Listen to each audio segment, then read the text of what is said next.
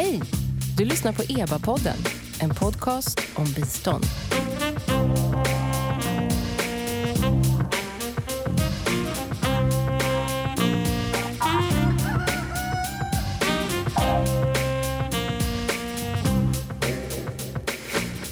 Välkomna kära lyssnare till ett specialavsnitt. Ett samarbete mellan EBA-podden och Delmi-podden.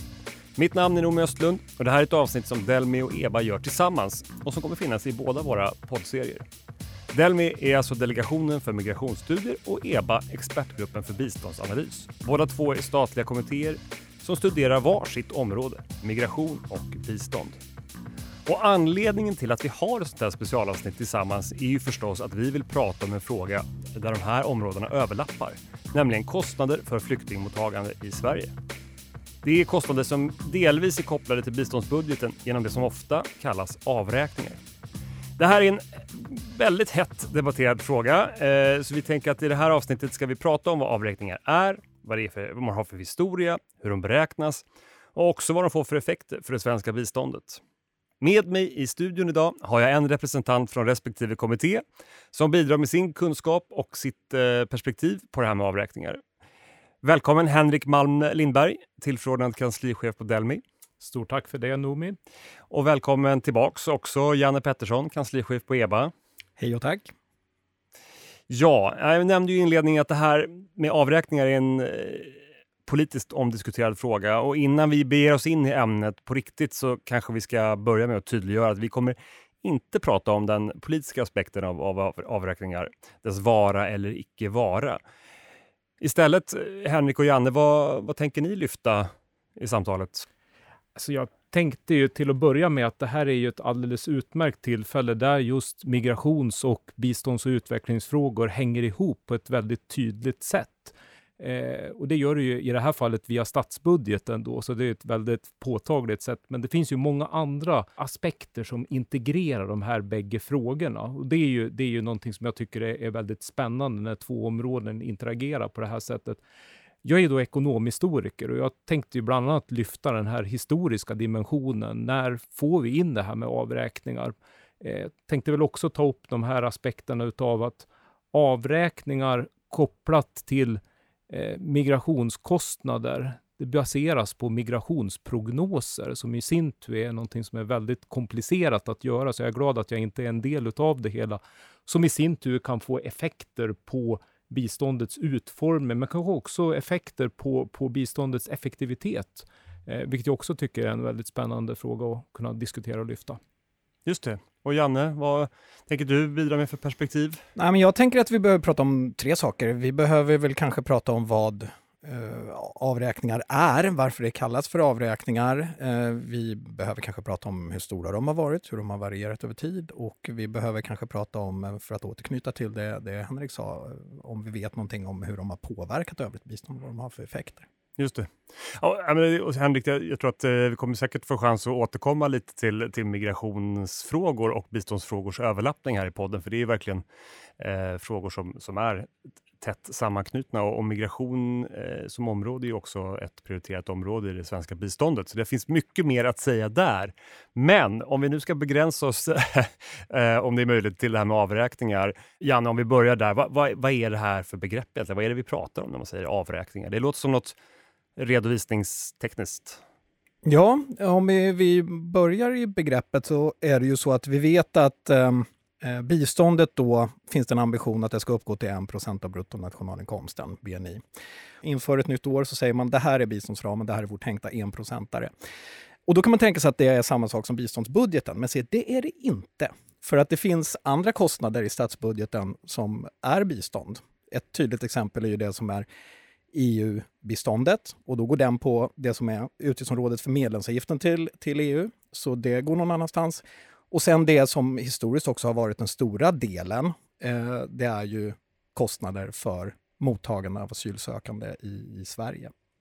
Just det. Och, så det, det är väl en, en, viktig sak att börja med att understryka att det handlar inte bara om migrationskostnader, även om det är en, eh, en stor och inte den största delen historiskt. Det, det, finns ganska många olika kostnadsposter på statsbudgeten som räknas in i, i definitionen av, av bistånd helt enkelt. Det som verkligen eh, har påverkat biståndsbudgeten. Det har ju varit förändringar i migrationskostnader och det som gör det lite extra spännande det är ju att migrationspolitiken bestäms ju utanför biståndet. Och förändringar i någonting som ligger utanför biståndet kommer ju då att påverka det utgiftsområdet. Och just migrationspolitiken är ju också ett område som i hög grad vi inte styr själva. Vi styr ju inte liksom migrationsflödena i världen via vår migrationspolitik. Eh, vi kan begränsa inflödet i viss utsträckning. Men det är också så att, att vad heter det, migrationen i världen styrs av mängder av andra faktorer som i sin tur påverkar inflödet till Sverige. Och sånt där är ju notoriskt svårt att, som vi var inne på, prognostisera på Just något det. sätt.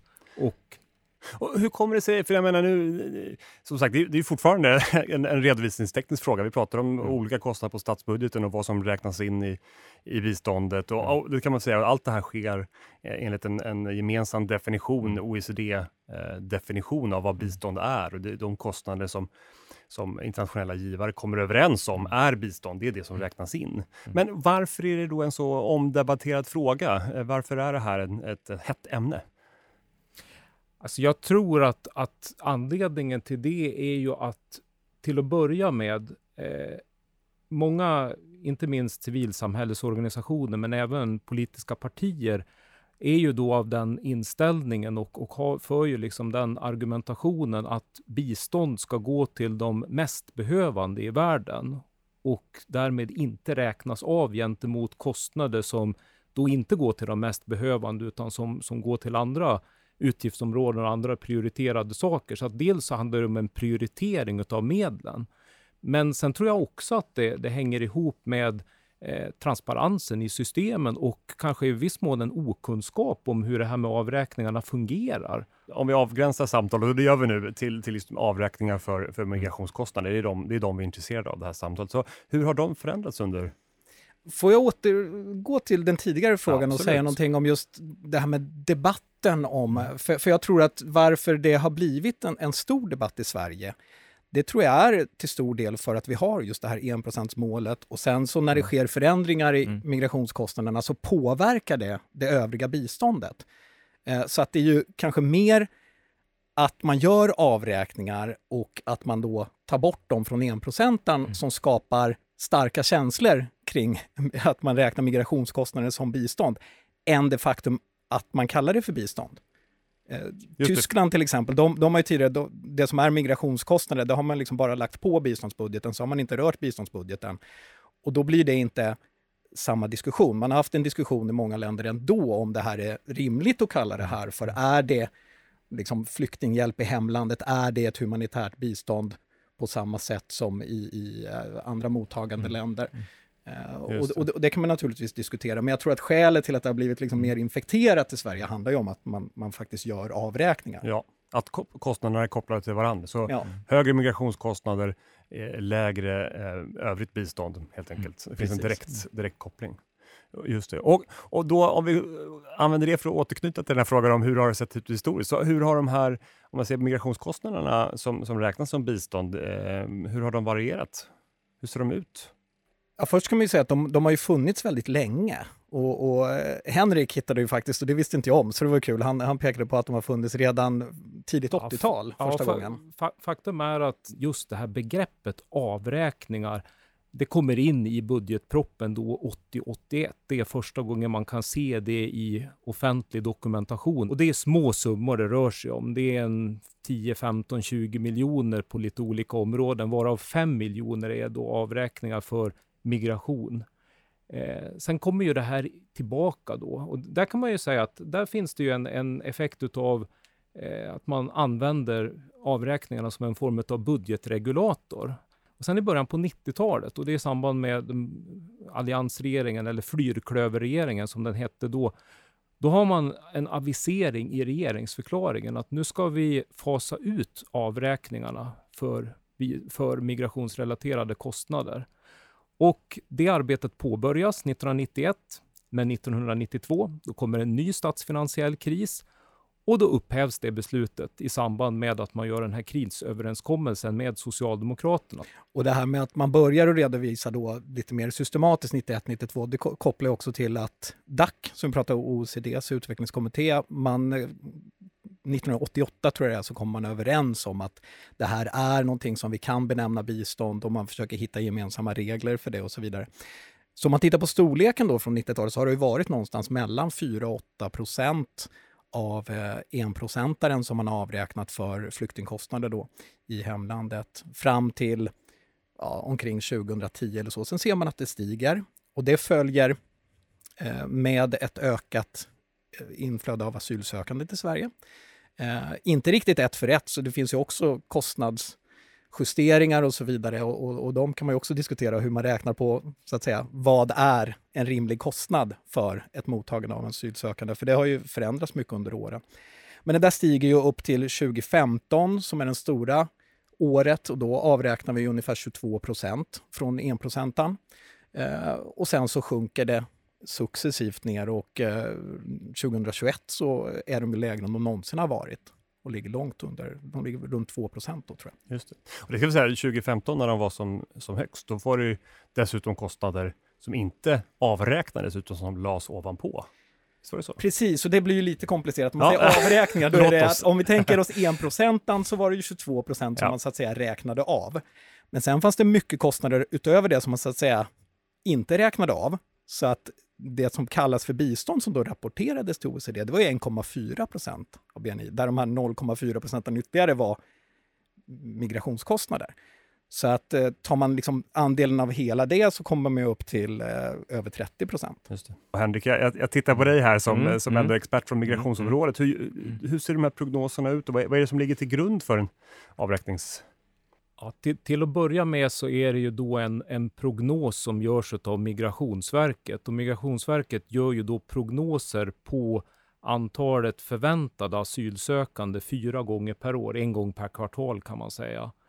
Då tittar man på hur många av de här asylsökande kommer ifrån låg och medelinkomstländer. För det är bara de man får avräkna utifrån, inte de som kommer ifrån länder som liknar Sverige.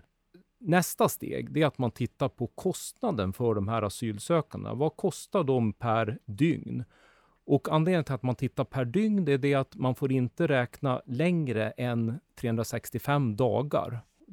Man räknar inte av krona för krona, utan oftast så görs det här utifrån en, en modell där man då har vissa kvoter som i sin tur då bygger på vad heter det, den, den prognostiserade kostnaden för de här olika delarna. Då.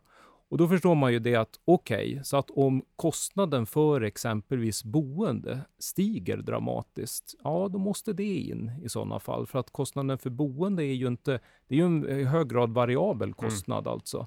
Kommer det betydligt fler, ja då ökar ju kostnaderna per boende därför att det blir en knapp nyttighet och någonting som då ökar i pris. Just det, och det såg vi ju tydligt 2015 eh, till exempel när det var Exakt. Eh, enormt svårt att, ordna boende ja. och det är klart att, att eh, priserna på boende går upp mm. och, och därmed går kostnaderna upp helt enkelt. Och om vi då kommer tillbaka till just de här prognoserna som görs av eh, antalet asylsökande. Det är alltid svårt att bedöma flöden som ökar respektive sjunker väldigt kraftigt och det kan man se under 90-talet, man kan se det nu 2014-15 och nu mitt under Ukraina också. För det som är intressant med de här prognoserna och förändringar i prognoser, det är att de påverkar ju också innevarande års biståndsbudget på ett ganska dramatiskt sätt. I och med att man har, man jobbar ju med vårändringsbudgetar och höständringsbudgetar och om det kommer nya prognoser, ja, då vill man justera det där och, och då drar man in pengar från biståndets utgiftsområde 7 eller lägger tillbaks beroende på hur prognoserna mm. förändras. Mm. Ett extremt tydligt exempel var ju 2016 då man i budgetprognoserna, eller budgetpropositionen innan 2016 då tänkte att vi, det här kommer nog kosta 8,2 mm. miljarder. Sa man. Och sen redan i april så la man ju till 4,1 miljarder. Och tänkt att vi kommer mm. avräkna över 12 miljarder på det här året. Och det, och det här var under Syrienkrisen? Ja, precis. Men, sen, som... men sen, sen, under sommaren och så vidare och visade sig att nej, det kommer inte alls så många, det kommer till och med färre än vad vi trodde mm. hösten 2015. Eh, så drar man ner det och så drar man tillbaka höständringsbudgeten då över 6 miljarder, vilket gör att det som från början man tänkte var 8,2 miljarder skjuter i höjden under våren, går ner under hösten och slutar på 5,9 miljarder.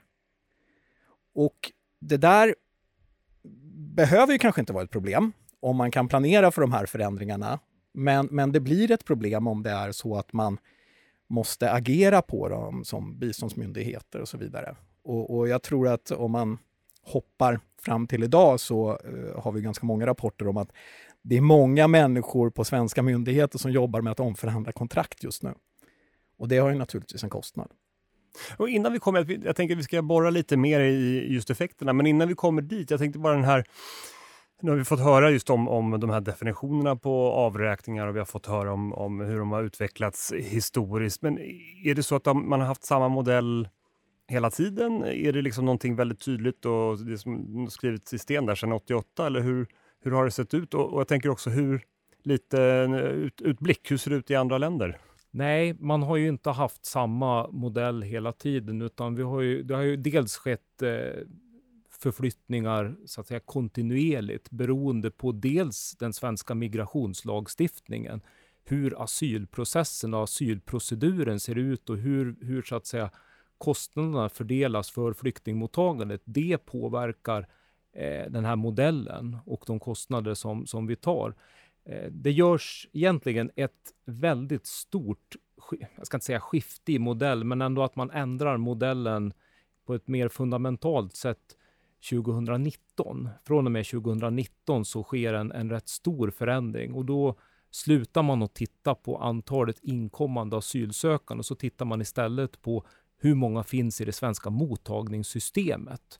Och jag tänkte den här utblicken, eh, vi har pratat om det, men om man nu har en, en, en, en gemensam definition, betyder det att, att eh, andra länder har ungefär motsvarande kostnadsbild för, för sin och, och i relation till, till deras, liksom, deras biståndsbudgetar? Om man tittar på uh, avräkningarnas storlek, eller oavsett om man kallar det avräkningar eller inte, om man tittar på den del av kostnader som man rapporterar till OECD, som då avser kostnader eh, för mottagande av asylsökande i, i givarländer, så ligger ju Sverige väldigt högt. I en nordisk perspektiv så ligger man väldigt högt. Eh, men, men om man gör den nordiska jämförelsen, då måste man ju också ta in hur många flyktingar har man då tagit emot?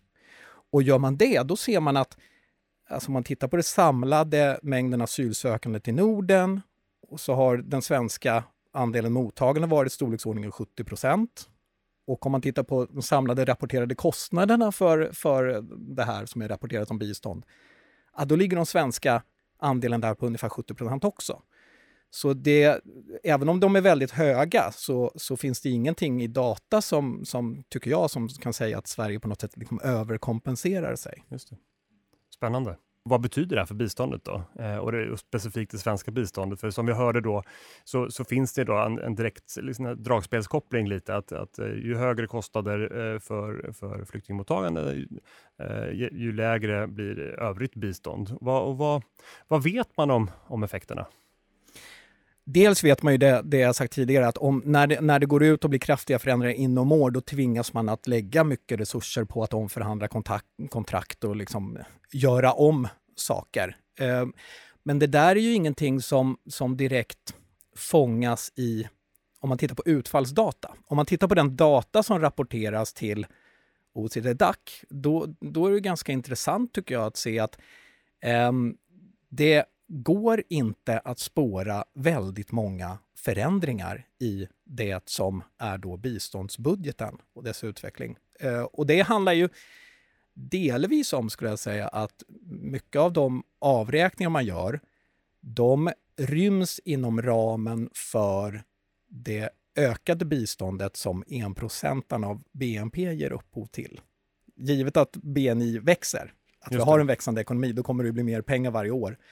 Och, och, så att när man tittar på utfallsdata i OECD, då ser man ju faktiskt inte att volymerna har minskat under till exempel 2015-2016.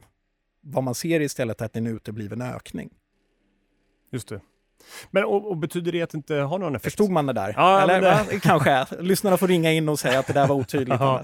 Nej, men det, det... Om man tittar på året, som de, de, de berömda 9,2 miljarderna pratar vi ju mycket om och nu har de blivit lite mindre och vi vet ju inte alls vad som kommer hända med det. Eh, men där är det ju så att biståndsramen, den här enprocentaren, den ökar ju med eh, storleksordningen 5 miljarder i år. Så att man kan tänka sig att en, en avräkning på 5 miljarder och mindre kommer då inte synas i utfallsdata sen som en negativ påverkan på biståndsbudgeten. Och det betyder ju inte att man inte ser ändringar i utfallsdata, betyder inte att det inte har inneburit något för, för biståndet. Du var inne på det Janne förut, att just nu sitter det väldigt många och, och jobbar med omförhandlingar. Så det handlar fortfarande om att, att det påverkar många verksamheter. Det här precis, så att, så att när jag säger att det inte syns i utfallsdata så ska det inte tolkas som, som någon form av position att, att det inte har några effekter. För det är ju självklart att eh, de förväntade ökningar man har också, de har man ju också räknat in. Så, så att en, en, en inställd ökning är ju också en icke-ökning. men, men kan man också där tänka sig att det finns en förväntan om att man ser det att avräkningarna tenderar att vad heter det, variera väldigt kraftigt när det kommer ett stort flyktingmottagande, så att man tar en viss höjd för det hos de som sysslar med biståndet och att man är på något sätt van vid att ja, men det här är någonting som vi brukar få göra under perioder av stort flyktingmottagande respektive fallande flyktingmottagande, då sker en, en stor variation. Skulle det också kunna påverka det här att man, man så att säga har lärt sig det? Det är en jätteintressant utvärderingsfråga, att se om det är så att man liksom någonstans tar höjd för att det kan mm. komma att ske. Men å andra sidan, jag vet inte, liksom de som satt i början på året eller slutet på förra året och planerade för årets verksamhet, de kan ju inte tagit höjd för någonting som de inte visste skulle ske i Ukraina. Liksom. Så, så, att det, så är det. Det, det kommer ju chocker har ju det med sig mm. att de är väldigt svåra att, förutse och planera för. Mm. Och, och så att, um... Just det. Och, men det ska man väl också säga, Riksrevisionen tittade ju på, på det här med osäkerhet eh, på grund av bland annat avräkningar eh, 2016. Eh, och en slutsats där var ju att det, det, det, är ju en ständig osäkerhet. Det här är ju någonting som, nu har vi pratat om det, det har funnits sedan okay, början av 80-talet, men kanske med, ännu mer med lite, med lite volym sedan, sedan 90-talet. Mm. Eh, och det är en av osäkerheterna. Sen har man också BNI-prognosen, det vill säga hur stor mm. kommer nästa års eh, bistånd mm. vara? Mm. Det beror på eh, ekonomins utveckling och det är mm. inte heller mm. eh, det säkraste. Det vet vi också när vi spelar in den här podden med eh, idag har Riksbanken höjt räntan med en, en halv, med 50 punkter och så vidare. Men det, det finns ju hela tiden osäkerhetsmoment i biståndet.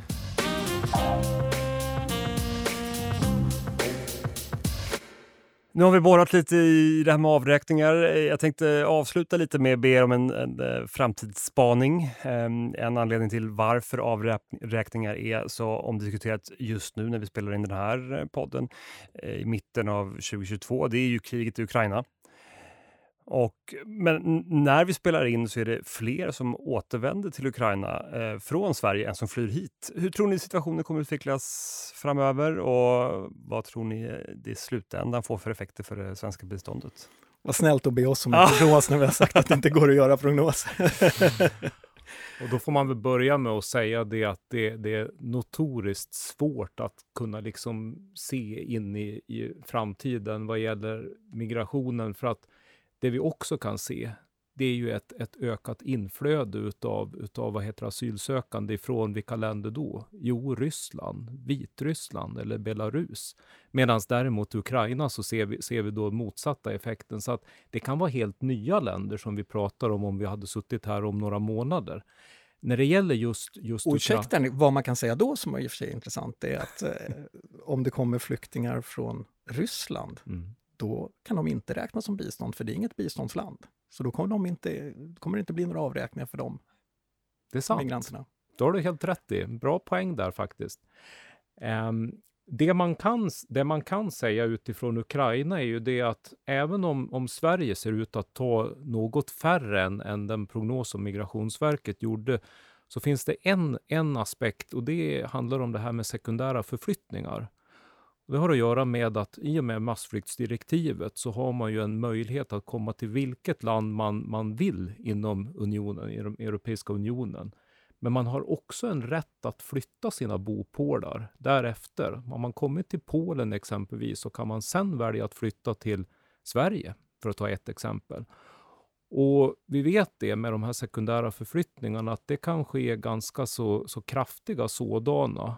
Och där kan faktiskt Sverige vara ett, ett attraktivt land på medellång sikt åtminstone. Så att där skulle man kunna, kunna vad heter, säga att det finns en, en töjmån för att det skulle kunna komma fler sökande till Sverige. Där har ni en rapport också som, som tittar just på det, som utgår ifrån var skulle man vilja röra sig om man skulle röra sig eh, i gallupdata? Va? Ja, precis. Och det, gallupdata är ju väldigt intressant i och med att de tittar framförallt på, det, det är en rapport av Mikael Elinder, Oskar Eriksson och Olle Hammar som kom bara för några veckor sedan och som tittar just på den här aspekten utav vart skulle människor vilja röra sig?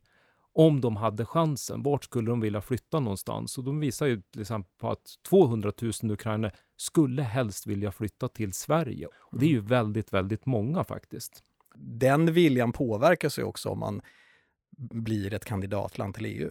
Då, då liksom tar man ju bort mycket av det incitamentet att vilja röra på sig eventuellt. Så att, så att det är ju, som vi har sagt hela tiden, att det är ju väldigt svårt att komma med några kloka gissningar. Och ut, utöver det, av de här 200 000 så är det ju rimligt att förvänta sig att alla de inte kommer som flyktingar och asylsökande. Och just för att ta tillbaka till det här med avräkningarna, det sker ju då på människor som kommer som asylsökande och kommer in i mottagningssystemet, inte de som kommer som studenter eller arbetskraftsinvandrare eller av andra skäl då. Och det är också en viktig distinktion att göra tänker man också säga någonting vi inte har pratat om hittills i och med att vi har hållit oss till avräkningar. Det är ju de kostnader, de biståndsutgifter som kommer till en Syrienkonflikt, till en ukrainsk återuppbyggnad och humanitärt bistånd i den situationen, till Afghanistan som, som då ligger ovanpå. Så att de här kriserna bidrar ju inte bara till att folk flyr, utan de bidrar också till stora behov i de länderna. Just det. Och det påverkar naturligtvis det man i övrigt kan göra Precis, med biståndet ytterligare, också. Ytterligare ja. undanträngningseffekter eller ja. omfördelningsbehov. Ja. Så inga, inga jättetydliga kristallkulegissningar från, från mina gäster, men jag får ändå tacka er för att ni tog er hit till studion. Tack Henrik Malm Lindberg, eh, tillförordnad eh, kanslichef på Delmi och tack Janne Pettersson, kanslichef på EBA. Jag hoppas att ni som lyssnar inte bara fått en dos ny kunskap om avräkningar och finansieringen av flyktingmottagandet, men kanske också fått upp ögonen för en ytterligare spännande podd att lägga till i era lyssningslistor. Mitt namn är Noomi Östlund och tack för att ni har lyssnat på det här specialavsnittet av EBA och Delmi-poddarna.